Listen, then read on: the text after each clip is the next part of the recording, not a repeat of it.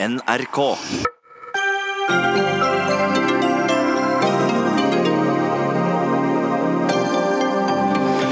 Det skulle bare være en mediekonferanse i Tromsø, men så, de, men så inviterte de Trond Giske, og da ble det bråk.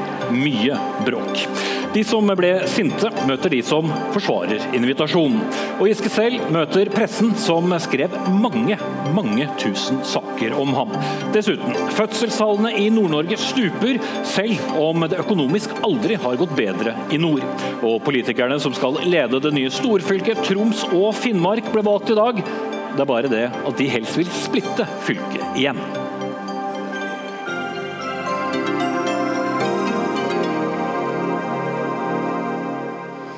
Da ønsker vi velkommen til Dagsnytt 18 fra Tromsø. Jeg heter Espen Aas.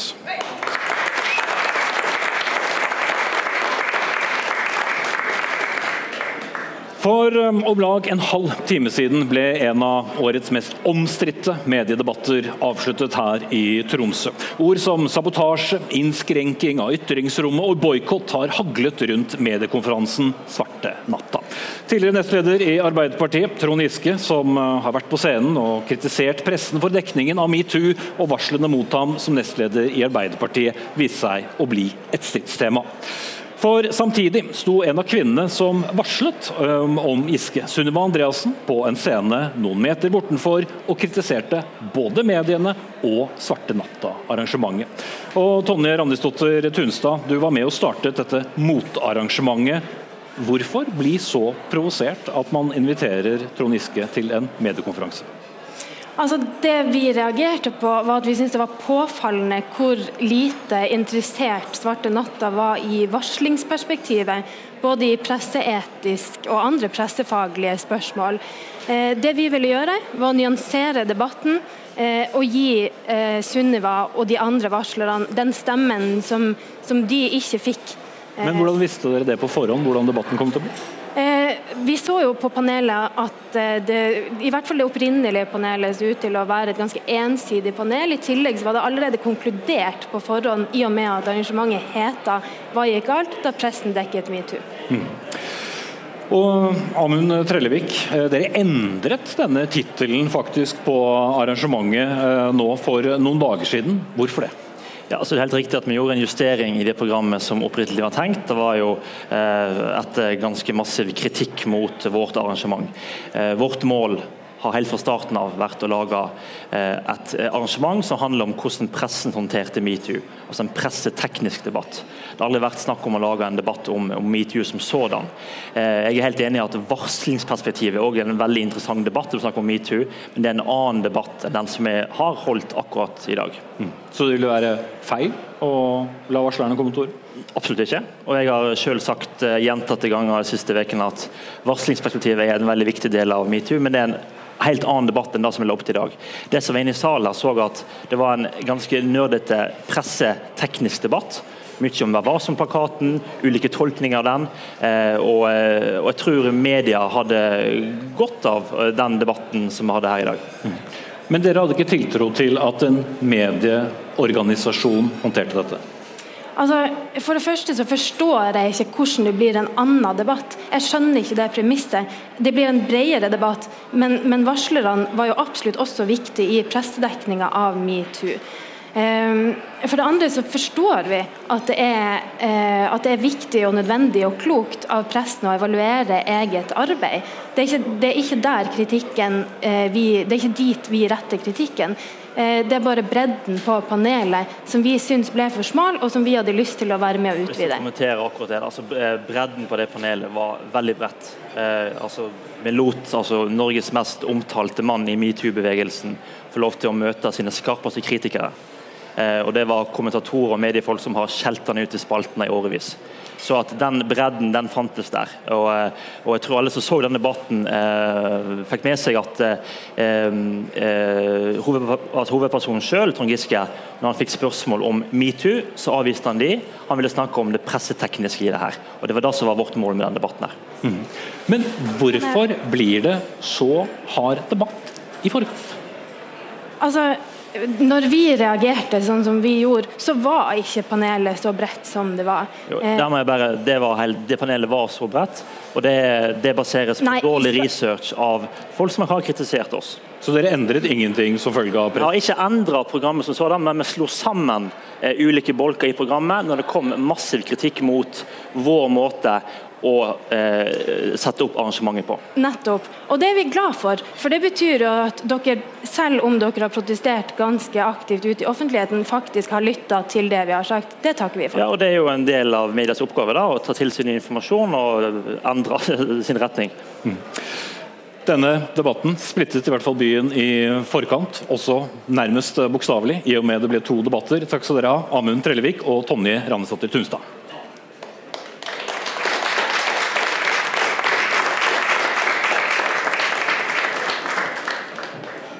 Hovedpersonen i denne betente debatten vi har hørt her, er altså stadig tidligere nestleder i Arbeiderpartiet, Trond Giske, som det er skrevet mange mange tusen avisartikler om siden varslene mot ham ble kjent i desember 2017. Siden har han eh, slått tilbake i en TV 2-dokumentar, via Facebook-innlegg og også indirekte via boken til hans kone Haddy Enjoy, som kom for kort tid siden. Og For første gang stiller han nå til et direktesendt TV-intervju her i Dagsnytt 18. Og Trond Giske, du har bestridt alvorlighetsgraden i varslene, du har ment at mange av dem ikke stemmer, og du har også kommet med til dels kraftige angrep på hvordan norsk presse dekket saken for bare uh, minutter siden. Og Du sa også at mediene var grunnen til at du trakk deg som nestleder. Samtidig kom du også med en beklagelse i Dagsrevyen 21.12.2017. Var senere beklaget på, på, Facebook. Gjelder de beklagelsene fortsatt? Ja, de gjelder eh, fortsatt. Men jeg mener det må være mulig å ha en debatt om de presseetiske reglene for eh, publisering av eh, ganske kraftige anklager. Jeg er jo helt enig med det eh, Tonje Tunstad sa her, at arrangementet burde hatt en varsler i panelet. Det, hadde, det har jeg spilt inn også, men eh, jeg tror det gikk litt i lås at man ikke ønska at folk utenfra skulle bestemme hvordan eh, konferansen skulle se ut. Det er også et viktig presseperspektiv hvordan erfaringa var fra den sida. Men, men, men, nå fikk jeg også gitt mine synspunkter. Jeg vet ikke om jeg var så krass, jeg prøvde å være litt nyansert, men jeg har noen kritiske innvendinger til pressedekningen. Og Det kommer representanter for pressen her eh, senere. Eh, bare for å klarlagt det, hva er det, Hvilken beklagelse står ved lag fra din side? Nei, Det står jo ved lag alt jeg sa i Dagsrevyen 21.12.2017. Det er faktisk sist jeg snakka om dette eh, i NRK. Eh, at eh, det er situasjoner som jeg beklager, hvor folk har opplevd møte med meg som eh, ubehagelig, og som jeg må ta på min kappe fordi at jeg hadde mest makt og sterkest posisjon. Det er vel en av de tingene man skal lære av hele metoo-diskusjonen. Dessverre har det blitt litt lite diskusjon, og det tror jeg vi hadde kjent på alle sammen og hatt fellesarrangement og snakka med hverandre istedenfor om og forbi hverandre. Mm. Eh, definisjonen av seksuell trakassering har også blitt et spørsmål i ettertid. Hvordan definerer du seksuell trakassering? Ja, Det er jo ikke opp til meg å definere det, det er jo likestillingsloven som definerer det. Det står veldig klart i paragraf 13, tror jeg det er, eh, at eh, trakassering er forbudt i, i Norge. og Det er en eh, viktig milepæl i kampen for trygghet og like vilkår at man har slike klare regler. Men, men selvfølgelig også der eh, så betyr jo ikke det at pressen kan omtale enhver sak uten dokumentasjon eller underbygging. Det, det var det vi snakka om her i dag. at Vær varsom-plakaten stiller klare begrensninger på bruken av anonyme kilder, og den stiller også veldig klare krav til at alvorlige anklager både skal kunne imøtegås og dokumenteres. Mm. Men hva er det du da brøt i Arbeiderpartiets interne regelverk? Nei, altså Arbeiderpartiet styrer jo over sitt eget regelverk akkurat som de vil. Eh, jo, men Det er jo et vedtatt regelverk, og jeg går vel ut fra at du som nestleder også var med på å vedta det regelverket? Ja, men det har veldig få detaljer i hva det er som innebærer et eh, brudd. Det Arbeiderpartiet har sagt veldig tydelig, er at eh, ledelsen, eller Jonas Gahr Støre i praksis, når han vurderte disse sakene, ikke vurderte det opp mot likestillingslovens bestemmelser. Det står i et brev til meg men så står Arbeiderpartiet helt fritt dem, til å bestemme hvem som har brutt og ikke brutt eh, sine regler. Jeg bestrider jo det, jeg er uenig. men du har ikke fått vite hva du har brutt i, i Arbeiderpartiets interne regler? Nei, jeg vet jo hvilke saker de, de mener er brudd. Eh, men en av de innvendingene jeg har hatt, er jo at de konklusjonene ble dratt før jeg hadde levert min kontradiksjon. Men eh, akkurat den saksbehandlinga tror jeg vi får være ferdig med. Jeg har levert mine innsigelser, og jeg har fått en bekreftelse fra partiet om at dette altså ikke har vært vurdert opp mot bestemmelsene om seksuell trakassering, og det var viktig for meg. Mm. Eh, boken som din kone skrev, der skrev hun bl.a. at du var eh, for umoden til å forstå din egen rolle i partiet. Kan man være stortingsrepresentant og nestleder og ikke forstå den? Eh, så kan man være stortingsrepresentant og gjøre feil i livet, er jo egentlig et eh, grunnleggende spørsmål. Ja, det, det er mange, mange måter å gjøre feil på, men altså ja, sin, sin, sin, egen rolle overfor unge kvinner. Altså Nå ligger jo disse sakene, eh, som i hvert fall har vært offentlig omtalt, åtte-ti år tilbake i tid. Hvem som skal være stortingsrepresentanter, og hvem som skal eh, nomineres, det er det jo velgerne som bestemmer. Det er jo det som er fint med et demokrati, at man kan helt suverent bestemme hvem som skal sendes på Stortinget og hvem som ikke skal sendes på Stortinget. Jo, det er vel frem til, altså Mener du nå at du selv vet hvor det går en grense for en hva slags, hva slags oppførsel f.eks. En, mann, en mann i en maktposisjon kan ha overfor yngre kvinner? Ja, jeg mener at uh, hele metoo-kampanjen har lært oss noe viktig. og det er at Møter mellom mennesker kan oppleves veldig forskjellig, og at det er den som har mest makt, f.eks., som må ta størst ansvar. Eh, og at eh, ting kan oppleves som grenseoverskridende selv om det ikke er ment sånn. og Det mener jeg er en debatt som har gjort oss alle klokere. Eh, jeg skulle ønske at vi kunne snakke mer nyansert og åpent om det, istedenfor at ja, vi av og til sitter på hver vår tue og snakker ikke med hverandre. Men det har du i hvert fall da, som jeg skjønner, lært noe av? Selvfølgelig. Mm. Da skal vi få inn eh, representanter fra eh, pressen her eh, også. Nemlig Kjetil Alstaheim, som er politisk redaktør i Dagens Næringsliv, og kommentator i VG, Tone Sofie Aglen. For som sagt, det er altså skrevet mange tusen artikler siden eh, saken startet eh, tilbake i 2017. Både om anonyme varslere, presset mot partiledelsen og etterspillet. Avisen Dagens Næringsliv var avisen som begynte å skrive om sakene. Og eh, Kjetil Astaheim, De første oppslagene deres handlet om kvinner uten tilknytning til Arbeiderpartiet. Hvorfor var det viktig å begynne å skrive om dem? Det det er ikke helt riktig at det var eh, uten tilknytning til Arbeiderpartiet. men grunnen til at jo, Det var jo også det. Det, det var, jo... det, var det også. det var, eh, kom flere saker senere som, eh, der det også var kvinner utenfor. fordi Trond Giske har jo vært statsråd i flere år. og Han har hatt maktposisjoner på ulike måter. Mange i partiet. har Vært en, en av partiets mest fremtredende og respekterte politikere i mange år. Og i tillegg da offentlige roller som, som statsråd. så det å Eh, derfor har det vært relevant å se på ulike saker. Grunnen til at dette skjedde akkurat høsten 2017, eh, var en kombinasjon av to ting. Det var uro i Arbeiderpartiet etter eh, valgnederlaget. Det var et spørsmål om kunne Trond Giske rykke opp hvis Jonas Gahr Støre skulle, skulle trekke seg. Og så fikk vi hele metoo-bevegelsen som kom fra USA, og som var en bevisstgjøring for oss i mediene om hva seksuell trakassering handler om, nemlig om maktmisbruk og forskjeller i posisjon, status, formell og uformell makt. Men handlet alle de sakene, slik dere så det, om seksuell trakassering? Det handlet om Det var ulike opplevelser som eh, forskjellige folk hadde hatt. Eh, og vi prøvde å beskrive dem eh, på så nært som mulig det, det, det de forskjellige kildene fortalte. Mm. Du skal snart få ordet, Trond Giske. Men Tone Sofie Aglen, eh, i dag er du kommentator i VG. Men da denne saken sprakk, så var du politisk redaktør i Adresseavisen og fulgte saken utenfor Oslo. Hva preget dekningen slik du så det? Det var jo et uh, voldsomt uh, omfang. Det var et uh, høyt tempo. og det er vel ingen norsk politiker jeg i hvert fall har kommentert så mye, og sikkert også med negativ valør. Og jeg hadde jo mitt ståsted i Trøndelag, og det var kanskje to ting som eh, eh jeg synes er greit å trekke fram. Første var at jeg, jeg syns at det var veldig stort spenn i meninga både om metoo og også om eh, eh Trond Giske. Det var eh, veldig polarisert, og der noen så et etterlengta oppgjør med en mann som hadde oppført seg dårlig overfor kvinner, så var det andre som så det her som en ren heksejakt.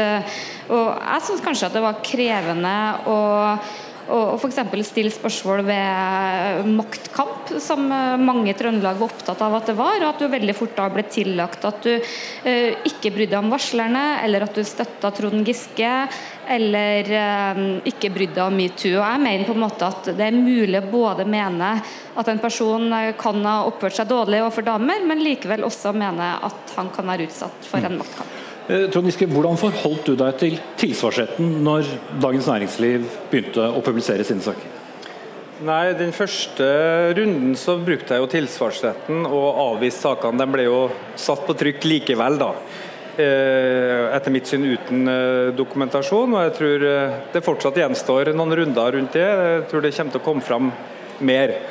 Men så ble jeg jo sjukmeldt den, 23, den 22. desember, og det en av de medvirkende årsakene til det var jo at 21. var vi jo ferdig med behandlinga av sakene. I Ledelsen i Arbeiderpartiet hadde jo konkludert eh, om at jeg beklaga, men fortsatte. Det ble jo ikke godtatt av kommentatorene i Akersgata. De eh, ville ha en annen øh, konklusjon, og den 22. tror jeg det ble publisert 505 saker om meg på én dag. Og da var det bl.a. Altså, sak, det hele hendelsesforløpet. Men, men det var ikke noen nyhetsterskel lenger. Enhver SMS eller samtale eller invitasjon på kaffe som overhodet ikke hadde noe med verken metoo eller trakassering å gjøre, ble satt på trykk. Og jeg tror det at du ikke lenger har noen privatsfære Det finnes altså rett og slett ingenting som ikke kan publiseres uten dokumentasjon og uten eh, noe mer grunnlag enn en påstand i en metoo-kontekst, var medvirkende til at jeg eh, ble sjukmeldt. Og var jo borte fra offentligheten helt til begynnelsen av februar. og dermed Ikke benyttet deg av, tilsvarsretten. Men er det riktig det Giske sier da om sakene dere publiserte? Det var, det var, selvfølgelig, det var selvfølgelig grenser for hva vi publiserte. Og, vi hadde jo, eh, og det, det vet jo Trond Giske godt, fordi vi konfronterte ham med saker som vi lot være å publisere pga. de tilsvarene vi fikk. Og de, de, opplysningene som Trond Giske ga oss. Og som gjorde at vi uh, konkluderte med at her har vi ikke godt nok grunnlag for å publisere dette har vi godt nok grunnlag til å publisere. Så det at det ikke var noen grenser, er jo helt feil. Og Interessant der er jo I boka til Hadia Njay, eh, Trond Giskes eh, ektefelle, så refereres det jo fra noe vi eh, konfronterte Trond Giske med, og som vi valgte å ikke publisere, men som Hadia Njay da velger å publisere i sin bok. Må bare beskrive da, Det var jo, det var jo saker hvor påstandene ble fremma Kilden var anonym. Dette det nye Omdal-utvalget som har sett på pressens bruk av anonyme kilder, kritiserer jo bruken av anonyme kilder i metoo-sammenheng og strammer jo nå inn på regelverket. Jo, men, men, men det, var til og med, det var til og med anonymt for meg, eh, flere av sakene, hvor ikke engang jeg fikk vite hvem som hadde fremma anklagene. Hvordan kan du egentlig eh, forsvare det?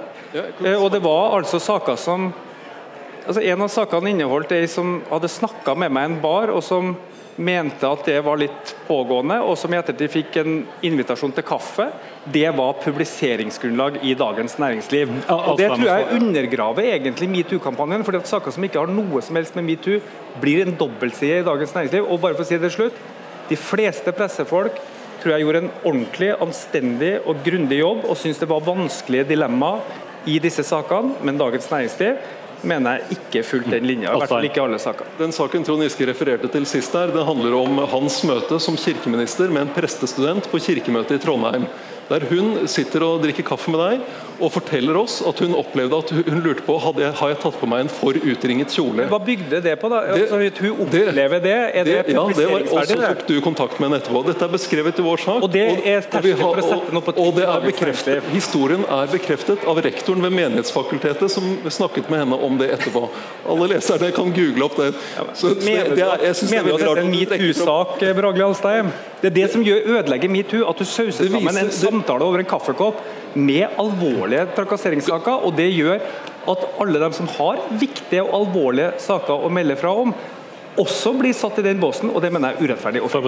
Det viser at du som singel statsråd ikke skjønte hvilken rolle du hadde. At du ikke skjønte at du ikke kunne, på, kunne oppføre deg på den måten overfor en ung prestestudent på et kirkemøte. Hva kunne jeg ikke gjøre? Drikke kaffe eller prate? Eller Nå vil jeg ha inn eh, Tone Sofie Aglen igjen, fordi at det er et annet aspekt ved denne saken. For du eh, sa tidlig at dette også handlet om at det var en maktkamp. Hva var reaksjonene du fikk da du brakte inn det?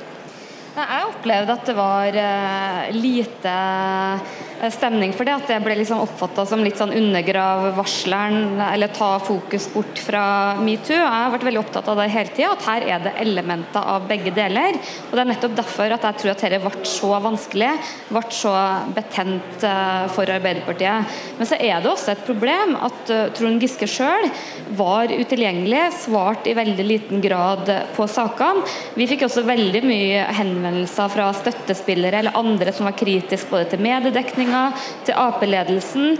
Eh, de var kritiske til bruk av anonyme kilder, men de ville sjøl ikke stå fram og bidra til at denne saken eh, ble mer belyst. Så jeg syns det også er et problematisk aspekt eh, for å få fram mer nyanser. Mm. Men mente du da Trond Giske, at da kunne ingen heller publisere saken?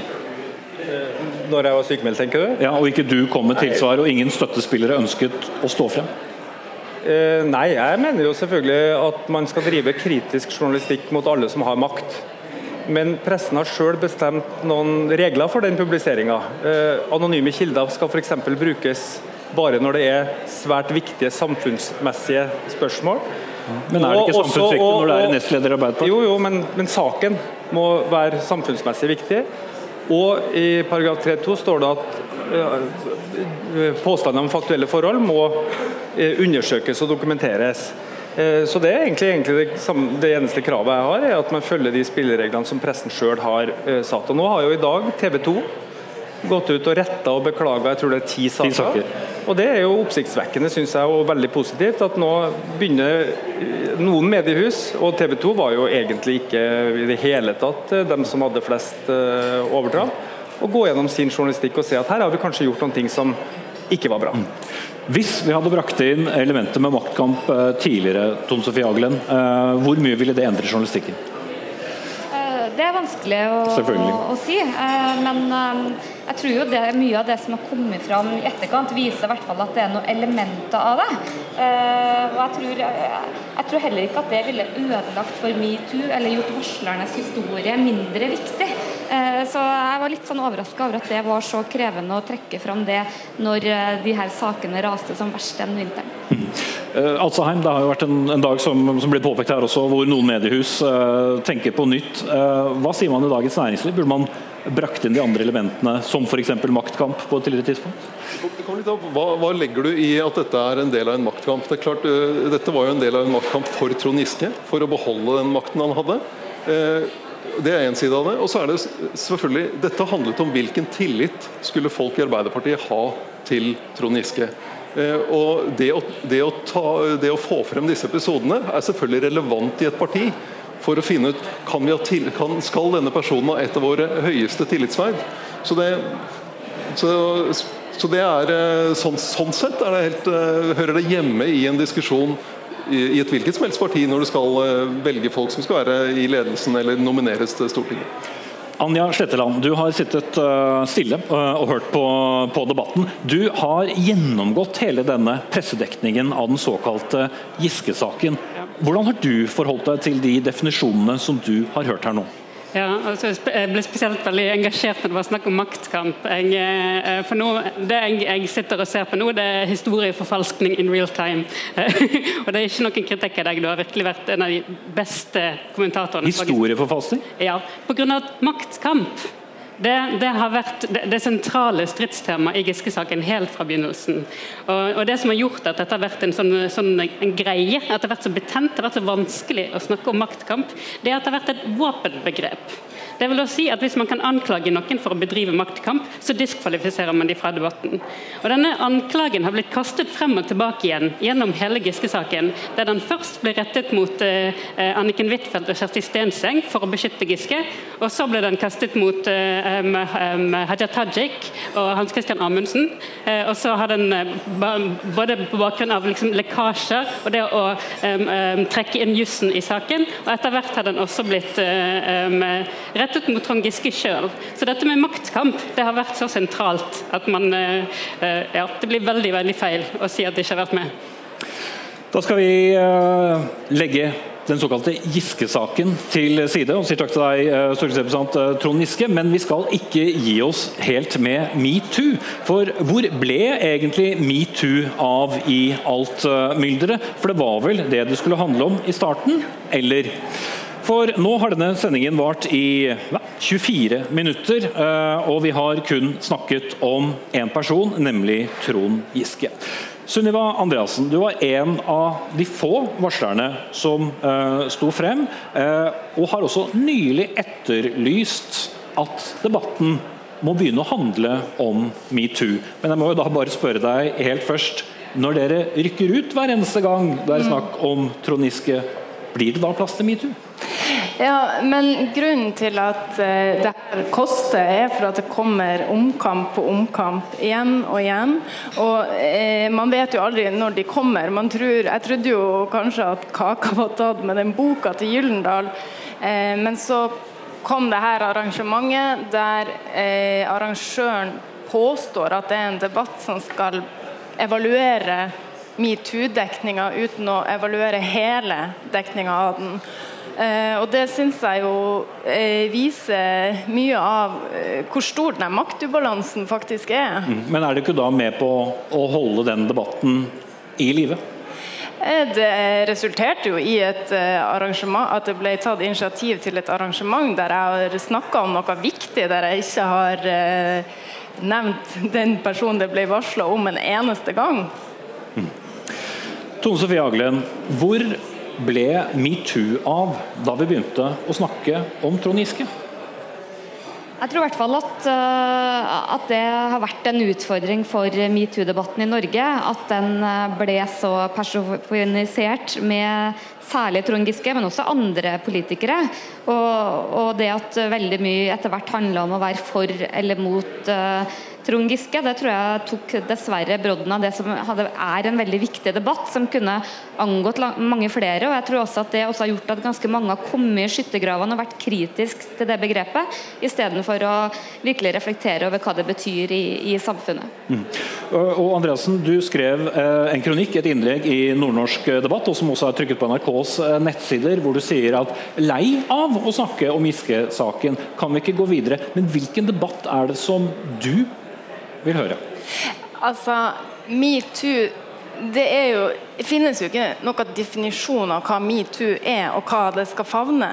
Eh, det er jo bare en bevisstgjøringsprosess på maktmisbruk.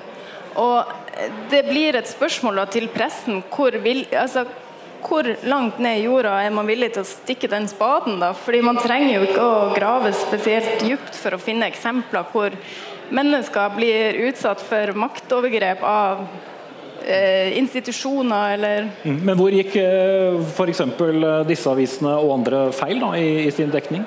Eh, jeg syns at uh, store deler av dekninga var prega av for stort personfokus, for pikante detaljer. Det er intimt nok å varsle om seksuell trakassering. Man trenger ikke å bli spurt om uh, uh, hvor man ble tatt på, hvor hender og tunge befant seg. Eh, det, er, det gikk altfor fort i svingene. Jeg fikk et inntrykk av at det var eh, størst fokus på produksjon, sensasjon, kjendis eh, ja, og pikante mm. detaljer, og mindre fokus på hva, hva det her handler om, hva vi prøver å adressere. Eh, nå den nødvendigvis, eh, ikke nødvendigvis om, om Dagens Næringsliv, uh, Kjetil Asheim, men uh, refleksjon over det som Sunne Andreassen sier? som har vært vanskeligst, i, og som egentlig var noe av debatten i dag, var hvordan, hvordan forholder vi oss til kildene i, i de metoo-sakene. Og det, eh, det var jo mange som eh, ikke ønsket å snakke. De hadde lagt historien bak seg. Eh, og det er fullt forståelig, og mange var redde for hva konsekvensen ville bli hvis de fortalte. Redde for å, fortelle også anonymt, fordi de fryktet at de kunne bli identifisert. Så Det var, det var noe av det absolutt vanskeligste med de metoo-sakene, og, og, som er noe av bakgrunnen for at du har den debatten om om uh, Vær varsom-plakaten nå, vi, hva vi skal gjøre med, med hva er regelverket for kildebehandling fremover. Mm. For Dette var jo da helt uh, upløyd mark, uh, Slettland. Vi skulle dekke metoo. Og vi forholdt oss til et sett med regler før metoo. Hva skjedde når pressen begynte å dekke metoo? Om, om metoo, eller snakker du om Giske-saken? Det er jo problemet, vi blander dem stadig. Men de begynte som en metoo-dekning, og så vil jo mange si at den endte med en Trond Giske-dekning. Um, altså det som skjedde med når, når metoo kom til Norge, det var at det var konflikter om absolutt alt. Det, det, fantes én linje i debatten der det var et slags konsensus, og det handlet om at arbeidslivet eller arbeidsgiver har et lovpålagt ansvar for å hindre at arbeidstaker blir seksuelt trakassert på jobb. Men der stoppet enigheten. Det var store uenigheter om dette var et, et, angrep på menn, eller om det var et angrep på patriarkatet, om dette var et uttrykk for nypuritanisme, eller om det var en moderne kamp for likestilling i arbeidslivet. Um, det, det, var kamp om omtrent hva som helst. Um, om det var om det stakkarsliggjorde kvinner, eller om dette var et tegn på kollektiv styrke. Uh, og disse debattene bare eskalerte og eskalerte. Uh, og så kom jo denne, denne saken i Arbeiderpartiet, som gjorde hele greien til en sånn skikkelig what the fuck-sak. Um, som burde være et pressefaglig begrep. Uh, Når du sier en what the fuck-sak, hva, hva, hva, hva betyr det? Altså Det handler rett og slett om at det er umulig å få oversikt over hva dette komplekset her egentlig handler om, og som gjør at folk snakker fullstendig forbi hverandre. Og Da kommer også dette problemet med sånne våpenbegreper da, inn i debatten, eh, som, som, da gjør at eh, enkelte måter å fremstille ting på, f.eks. å bruke ordet heksejakt, eh, eller bruker ordet maktkamp, det er noe som, um, som rammer på en måte at det, nesten, altså det setter folk skikkelig på plass. da. Og Da blir folk veldig sure, av veldig god grunn. og så fortsetter den, den konflikten. Ja, Aglen, Det ble brukt ord som historieforfalskning eh, her i sted. Hvordan forholder du deg til det? Jeg trodde ikke jeg helt skjønte spørsmålet, dessverre. ok, eh, Alsheim, du ville svare på uh, Sletteland? Ja, altså, også Noe av det som er vanskelig med, med, disse sakene, er at det blir nettopp fordi det er mange som ikke ønsker å stå frem, så blir det, det blir litt mystisk. og hva, hva skjedde egentlig? Hvor alvorlig var det?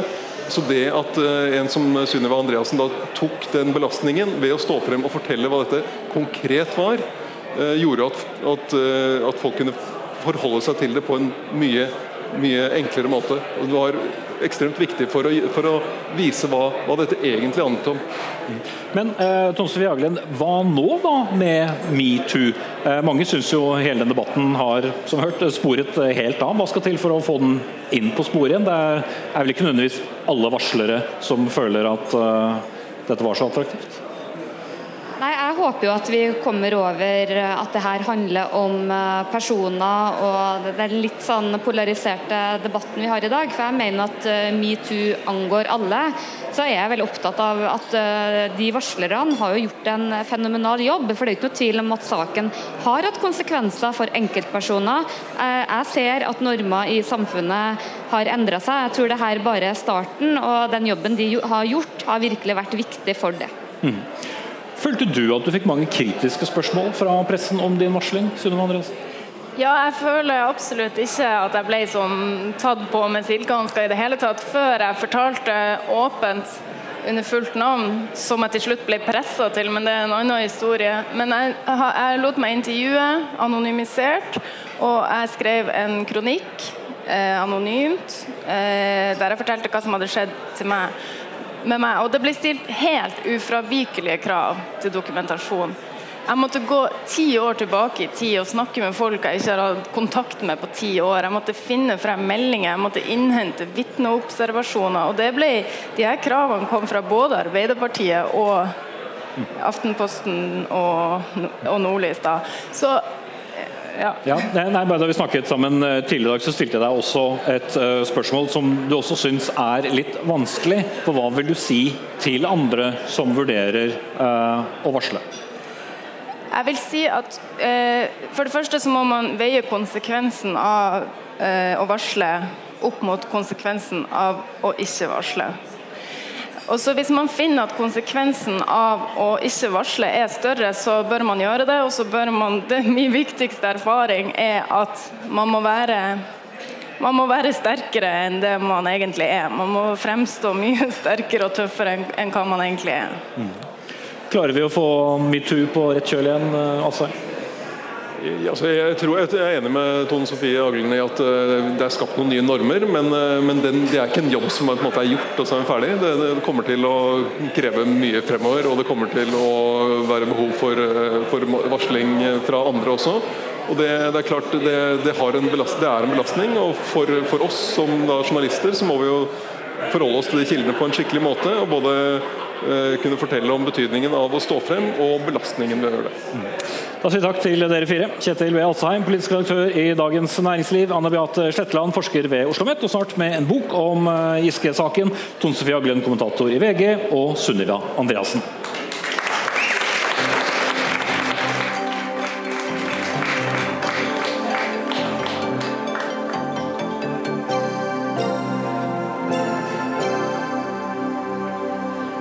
Skal eh, til en annen sak som har eh, dominert nyhetsbildet i dag, nemlig. For Havarikommisjonen mener organiseringen på broen på fregatten Helge Ingstad og den manglende trafikkovervåkingen ved Feie eh, sjøtrafikksentral var sentrale årsaker til kollisjonsulykken i fjor. I dag la altså kommisjonen frem sin første delrapport om ulykken, som også skjedde for et år siden. Sin svært kritiske rapport, må jeg jo si. Fregatten KNM Helge Ingstad, som kolliderte 8.11. i fjor med tankskipet Sola TS ved Stureterminalen i Hordaland. 137 personer var om bord, åtte av dem ble skadet. Og Flaggkommandør og sjef i Marinen, Rune Andersen, du er med oss fra Oslo. Denne 204 sider lange rapporten, hva sier du som eh, ansvarlig for Marinen til den? Eh, for det første så vil jeg si at det er en eh, grundig rapport. Eh, den er dekkende, og det er stor eh, samsvar, stor overlapp mellom det som fremkommer der og, og det arbeidet som vi allerede er i gang med i Marinen eh, i forhold til å høste erfaringer og ta lærdom av denne veldig alvorlige hendelsen. Så Den gir oss et godt grunnlag og gir oss moment og trygghet for det, det arbeidet som vi er i gang med. Men hva slags selvkritikk tar eh, dere i Marinen? Ja, vi, stiller, vi, vi, stiller, oss bak uh, og støtter de, de, funnene og den kritikken om du vil, som, som fremkommer i rapporten. Uh, og er uh, innstilt på å, på å, ta tak i alt sammen. vi er som sagt godt i gang. dette er jo en hendelse som som eh, ikke skulle ha skjedd. og Det er utrolig viktig for oss. Vi har en, vi har en høy ambisjon om å være en profesjonell og kompetent eh, aktør på, på kysten. Tar dette svært alvorlig og, og gjør det vi kan for å unngå at noe lignende skjer igjen. Hvilket ansvar har du som eh, marinens øverste sjef? Eh, jeg har det helhetlige ansvaret for, eh, for, sikker drift av marins fartøyer. og Det innebærer at jeg har eh, det helhetlige ansvaret for at folk får tilstrekkelig opplæring, og at vi har trening og kvalitetssikring for det vi driver med. Tar det ansvaret veldig alvorlig. Og, og min høyeste prioritet nå er å, å, gå inn i alt dette her og sørge for at vi eh, gjør noe med de svakhetene som er avdekket. Vi eh, intervjuer deg da her fra, fra studio i, i, Tromsø, så det er litt forsinkelse her. Men til slutt, eh, Andersen. Eh, dagens rapport var den første av to rapporter som skal publiseres. Den andre dreier seg om hendelsesforløpet etter kollisjonen, som endte med at fregatten sank. Hva slags forventninger har du til den rapporten kort til slutt? Ja, Det er riktig. og jeg, jeg, har forventninger til at det også der eh, fremkommer eh, saker som det er eh, viktig for oss å, å, å komme, komme, skikkelig eh, inn i. Og at det er lærdommer som vi må, må ta tak i der. Og Vi, allerede, eh, vi er allerede i den fasen at vi ser på havarisituasjonen også, og er også i gang med flere flere tiltak som, som, er rettet inn mot, mot det som oppsto etter kollisjonen var et faktum. Takk skal du ha, Rune Andersen, sjef i Marinen. Dagsnytt 18 på NRK P2.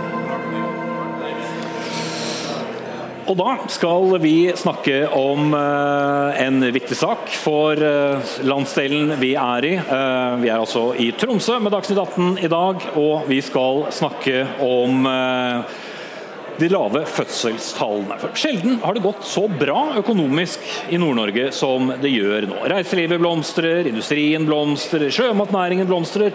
Men folketallet, se det, der blomstrer ikke. Hvor ble det av bien? Hvor stakk den? Kjell Arne Røvik, professor ved Universitetet i Tromsø. Hvorfor synker folketallet i nord? Ja, En ting er jo at uh, fødselstallene synker, og det er jo en effekt av to ting. Det ene er jo at uh, nordnorske damer i hele etterkrigstida har født flere barn i gjennomsnitt enn uh, landsgjennomsnittet.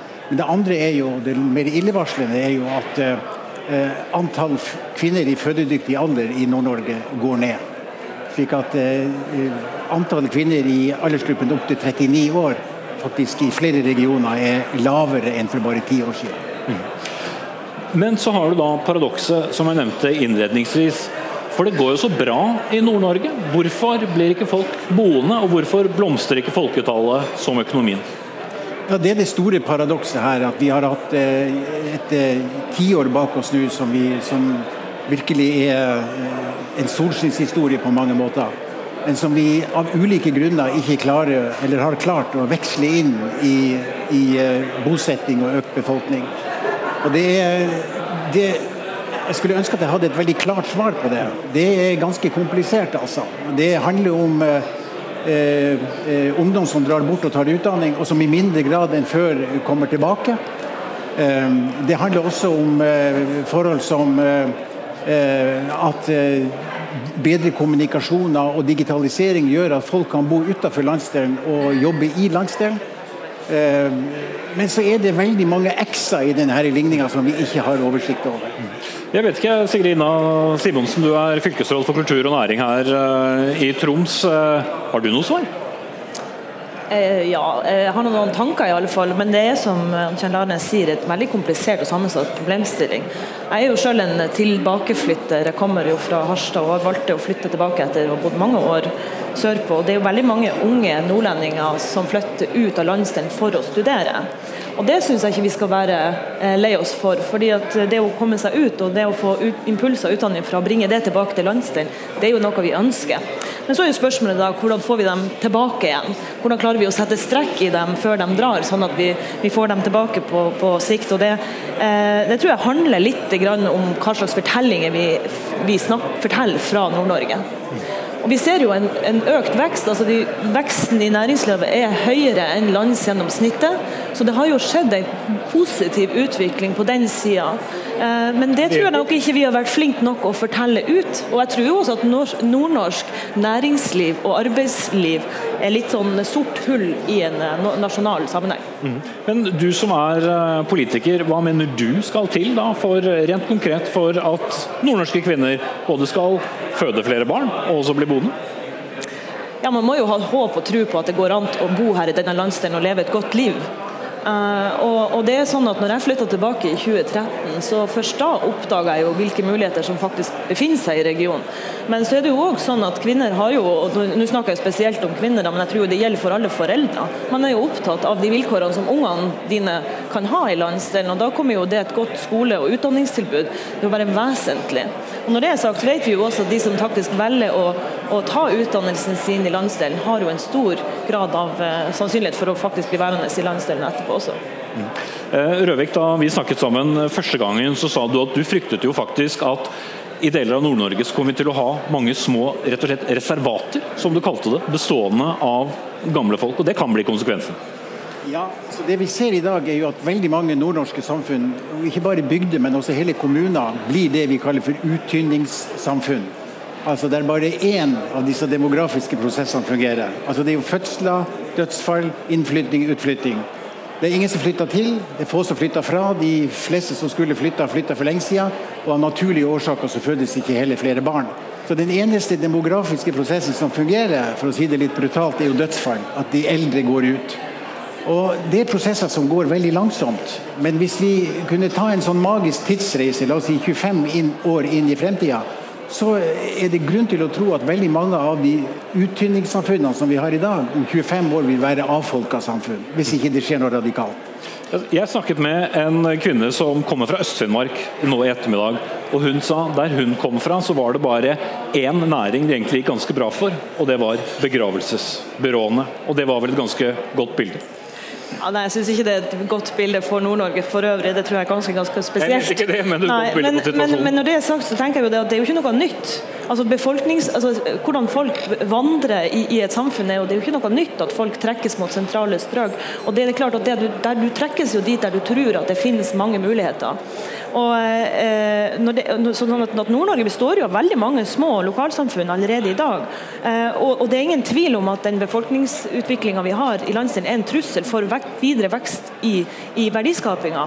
Men jeg mener jo at vi bør jo sette oss som et mål at dette her er et nasjonalt ansvar. At vi faktisk har folk, og vi ønsker at folk skal bo i hele landet. Da vil jeg jo gjerne ha det offentlige Norge og det store statlige nivået også med på dette, og ikke gjøre det til et landsdelsproblem.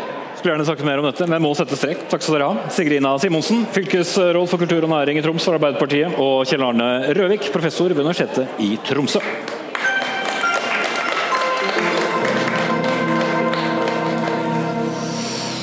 Men fortsatt bor det folk i Troms og Finnmark, vær sikre på det. Men uh, skal det være ett fylke? skal det være to. For fra 2020 så skal det bare være 11 og ikke 19 fylker i Norge. Og Det ene storfylket skal da altså hete Troms og Finnmark. Og lytter og ser av Dagsnytt 18 har jo hørt at vi har debattert nettopp det noen ganger. For forløpet til denne sammenslåingen har vært lang, høylytt og kronglete. Først og fremst har motstanden mot sammenslåingen vært sterk i Finnmark. Og Kristina Hansen, du er nyvalgt fylkesråd for samferdsel i Troms og Finnmark, og tidligere ordfører i Nordkapp. Du er blant de 87 prosentene i Finnmark som ikke vil inn i et storfylke. Er det fortsatt så vanskelig? Ja, altså Finnmarkingene vil ikke denne sammenslåingen. Vi er tvangssammenslått med Troms. Og, og valgresultatet av uh, fylkestingsvalget nå i høst viser med ty all tydelighet at uh, at man ønsker at dette skal bringes til opphør. Mm. Men dere skal jo administrere nå et storfylke som dere ikke vil ha. Hvordan gjør man det? Ja, Det er helt riktig. Vi skal utvikle et fylke. Vi skal ikke bare administrere et fylke, vi skal utvikle et fylke, utvikle en landsdel, og vi er ganske ambisiøse i forhold til det. Eh, så vi har tenkt å utvikle, selv om vi også skal eh, oppløse det om fire år.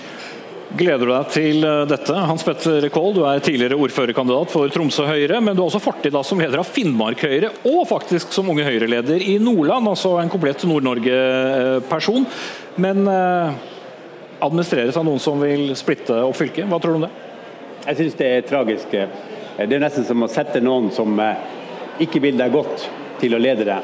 Og når man skal da lede og lage en ny region eh, som skal være slagkraftig og god, Eh, og så sitter de som eh, skal lede den og sier at ja, vi skal gjøre jobben, men så skal vi reversere den. Eh, tenker man ikke da på de ansatte som jobber der? Hvordan skal man få tiltro til at man skal klare, også sentralt fra, å levere over ekstra oppgaver til denne regionen? Når det, hadde jeg fått det som jeg ønska, ville vi Ja, vil jeg ha alle. Nordland, Troms og Finnmark de hadde fått en slagkraftig, sterk region som hadde blitt et maktsenter. Vi har masse ø, som går bra i Nord-Norge, og vi ville kunne fått en kjempekraft. Men ø, det ble dessverre ikke det. Hadde det vært uh, lettere å svelge, Hans? Eh, det er altså sånn at Nord-Norge kan være ganske så slagkraftig selv om man har tre fylkesting. Eh, og vi er gode naboer med Troms og har gjort mye sammen med både Troms og Nordland i tidligere tider og fått ting til. Og det vi, vil vi også kunne Men litt mer anstrengt nå, da? For er, det er litt mer positivitet i, i, Tromsø enn det er i Finnmark? Ja, det har det nok vært hele tida. Men også i Troms fylke er motstand mot denne sammenslåingen ganske stor. Og dette prosjektet er jo ikke vårt prosjekt, det er jo høyresidas eh, prosjekt. Og de har ikke selv klart å skape entusiasme rundt dette prosjektet. Og det er selvfølgelig fordi at de har tegna et kart før de kommer med oppgaver. Og så skal de komme med oppgaver, og det er jo bare å ta fiskerihavnene, som er veldig viktig for, eh, for våre fylker. Og ikke engang per 1.1.20 kommer til å være avklart om vi kommer til å få penger for fiskerihavner som vi er så avhengige av. Så, så dere greier jo ikke å skape den entusiasmen dere etterlyser. Det har ikke blitt noen Troms og Finnmark-sang som man hadde i Trøndelag, eh, Kål? Nei, dessverre. Det, jeg skulle gjerne ønske at det var det. Eh, vi må jo se på Høyre vil i utgangspunktet ikke ha fylkeskommunen. Eh, vi mener jo at vi skulle hatt sterke kommuner som kunne overtatt de oppgavene. Det er samferdsel, og det er videregående skole. er jo alt- Så, så hvordan skal man få dette til å bli et noe lykkeligere ekteskap?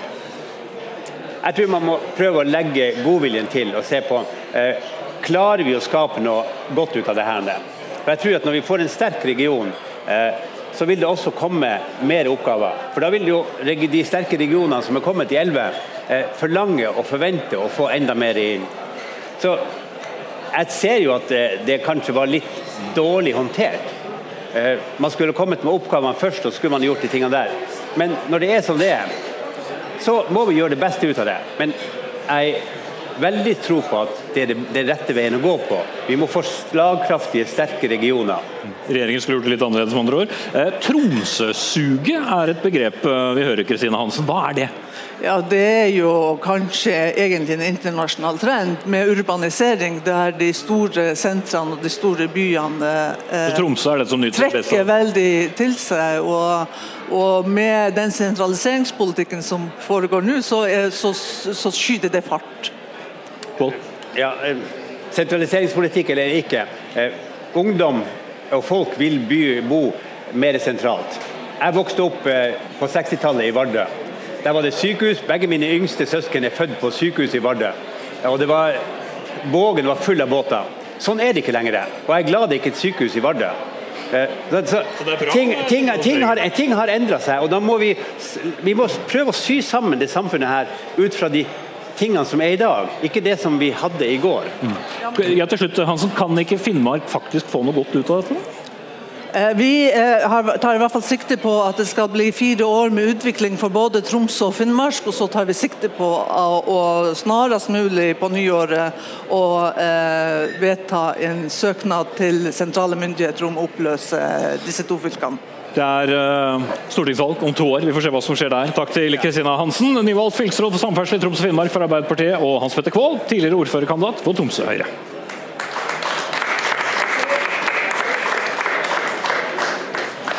Da sier vi takk til eh, politikerne, og så sier vi velkommen til eh, kommentatorene. For eh, vi er jo vant til at det er sterke meninger i nord. Og da har vi to markante meningsbærere med i denne siste seansen her. Skjalg Fjellheim, politisk redaktør i Nordlys. La oss ta det siste som vi snakket om. I dag har vi altså fått et nytt fylkesråd for denne lykkelige sammenslåingen av Troms og Finnmark. Hvordan kommer de til å klare seg? Ja, jeg tror ikke de kommer til, kommer til å legge så veldig mye kraft i å hva skal vi si, driver samfunnsutvikling i Troms og Finnmark. Det er jo et avviklingsstyre for Troms og Finnmark som er etablert i dag. Eh, SV, Senterpartiet og Arbeiderpartiet har sagt at den viktigste saken for dem er å reversere Stortingets beslutning. og, da, og Det å stå på, på gassen og bremsa samtidig i politikken, det er vanskelig. Så jeg tror, ikke, jeg tror det blir mye stillstand. Jeg er i hvert fall redd for det. Mm. Ble du glad da du så endelig noen navn i dag, Egon Holstad, redaktør i Tromsø? Er glad og glad. Jeg, den, den, jeg tror sånn folk som bor i Tromsø, jeg kjenner veldig lite på hele den der tvangssammenslåinga. Jeg tror folk i Tromsø generelt er, tenker at det her har ikke så mye å si for oss som bor i Tromsø. Jeg tror det er helt annerledes om du spør folk som bor i, i utkantstrøkene i, i Finnmark, og i f.eks. I, i Vadsø og i, i Kirkenes og i Alta osv. Eh, De merker nok det her på en helt helt annen måte. og For dem så er det snakk om å bli en del av noe, for oss er det snakk om å få, få noe mer enn det vi har. Eh, Jeg har veldig respekt for den motstanden som er, som er i Finnmark. og det er litt sånn Du sa at vel at Kristine Hansen hadde rett, du nå? Jeg sa at Du sa, ga vel nesten Kristine Hansen som satt her rett i at Finnmark kanskje ikke har så mye å få ut av dette, mens dere som bor i Nei, altså, jeg, jeg bor ikke i Finnmark, jeg kan ikke uttale meg på Finnmark sine vegne, men jeg skjønner veldig godt hvorfor folk i Finnmark tenker sånn som de gjør. Det som var snakk om Tromsø-suget. Det er jævlig lett for oss å sitte her i Tromsø og si at de må bli en del av oss. Og det er litt sånn symptomatisk at det sitter to to journalister eller to redaktører i to Tromsø-aviser og snakker om hvordan finnmarkingene bør tenke. Jeg tror at De er veldig gode i å tenke sjøl, og de har en sterk historie. Det handler om masse identitet.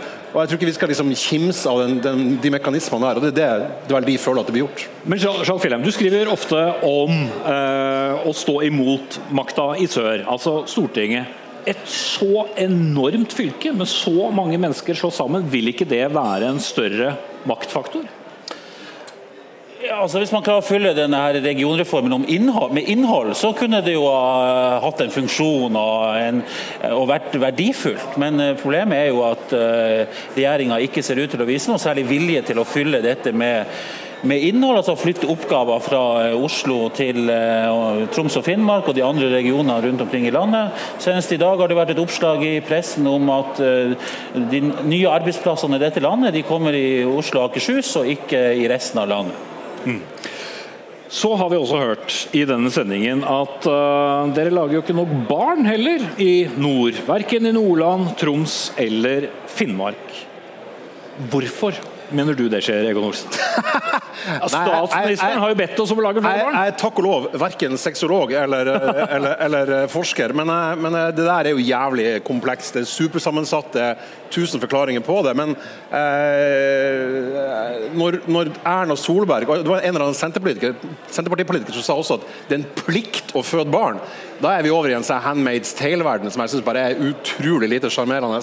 Eh, jeg tror man må, man må, man må liksom tenke langsiktig her. Det handler om å få det handler om å få folk i arbeid, det handler om å skaffe utdanningsinstitusjoner, og så må man la være å bygge ned fødselstilbud, som også blitt gjort i, i Nord-Norge. Det er veldig veldig komplekst, der, og det er sikkert tusen forskjellige forklaringer på det. Ingen er jo egentlig helt enig heller. Og der tror jeg også Det er stor fordel å bo i, i, i byene, og det er mye mer utfordrende å bo i distriktene. Mm. Ja, Fjellheim, dere har også skrevet om det, og vi hørte altså professoren fra universitetet her eh, snakke om nærmest sånne små reservater med eldre mennesker eh, rundt omkring i, i, i Nord-Norge. Frykter du det samme? Ja, Det er jo en alarmerende befolkningsprognose som, som, står foran oss. Men jeg er litt sånn redd for å gjøre det her til en sånn del av den eh, hva skal vi si, litt tradisjonelle nordnorske taps- og offerfortellinga. Dette er jo ikke noe som skjer bare i Nord-Norge. Det skjer jo i periferien eh, i resten av Norge, det skjer i periferien i resten av Skandinavia og også i resten av Europa. Urbanisering i Nord-Norge? Ja, men urbanisering er en, eh, en trend. og Hvis Nord-Norge klarer å bli den første regionen i, i verden nå som klarer å stoppe urbaniseringa, utviklinga, så blir jeg imponert. Det har ikke nødvendigvis så veldig mye med Nord-Norge å gjøre, men det har med globale, internasjonale trender også å gjøre. Det er viktig å se det perspektivet. Mm. Men når det går så bra økonomisk, det går bra med sjømat, det går bra med turisme og oljenæringen, det er vel et paradoks at ikke flere vil bo her? At ikke flere vil bo her. Det er vel ikke det det er snakk om. Det er vel snakk om at folk dør etter hvert, og så øker alderssnittet, og så er det færre av de som får unger. Jeg tenker at eh, Det er jo bare å skru på eh, det er jo bare å skru volumknappen på 11 og få mer arbeidsinnvandring. Det er jo det vi trenger i Nord-Norge. Vi trenger arbeidsinnvandring. og Det, det tror jeg den landsdelen er i stor eh, stand til å få til og håndtere, ikke minst. Og det vil være helt fantastisk for de som kommer hit, for det er jo verdens beste sted å bo. Det er å bo her i nord. Mm, men uh, hvis folk som er herfra ikke flytter tilbake, hvorfor skulle innvandrere velge å flytte hit? Altså, jeg tror at Norge må, eh, hvis du, hvis du, tenker på de enorme ressursene og de fantastiske Det er en klisjé, da, snakk om muligheter i nord, men det er faktisk sant. Det er fantastiske muligheter her. Det er et nasjonalt ansvar selvfølgelig å utvikle politikk som gjør at folk kan flytte hit fra andre deler av verden, og også fra andre deler av Norge f.eks. fra Oslo, der presset på boligmarkedet er stort, og der man kanskje trenger å, å få folk til å flytte ut til eh, andre deler av Norge. Så Det tror jeg man må tenke mer på i politikkutviklinga fremover, ikke bare i regjeringa, men i alle partier. Mm. Og Da hjelper det ikke å være statsminister og si 'lag flere barn'? Eh, jeg tror ikke Erna Solberg til det å blande seg inn i hva jeg har tenkt å gjøre, i hvert fall. Det er jeg selvglad for. Jeg tror jeg egentlig strengt tatt ikke hun gjør heller. Men hva er det du kunne tenke dere, eller hva kunne dere tenke dere å høre som et signal da fra sentrale myndigheter om Nord-Norge? For Dere snakker mest om det som ikke sies. Altså, det er jo ingen, ingen hemmelighet at vi i Nordlys har uh, vært for, uh, forkjemper og tilhengere på lederplass for å bygge jernbane i nord. Og jeg tror det å bygge Nord-Norgebanen vil være et veldig viktig bidrag for å vise at dette er et land som henger sammen på alle måter, også når det gjelder transport. Og det vil være et viktig signal til uh, hele Norge om at landet vårt satser i nord. Mm. Får se hvor mange som er igjen den dagen den i så fall ville vært ferdigbygget, for det tar tid. Egon Olstad, redaktør i Tromsø, Skjalg Fjellheim, politisk redaktør i Nordlys, takk skal dere ha. Denne sendingen er ved veis ende. Ansvarlig for den var Anne Katrine Førli. Astrid Lunde var producer. produser. Jeg heter eh, Espen Aas, og Dagsnytt 18 er trygt basert innenfor Ring 3 på mandag igjen. Vi ses da.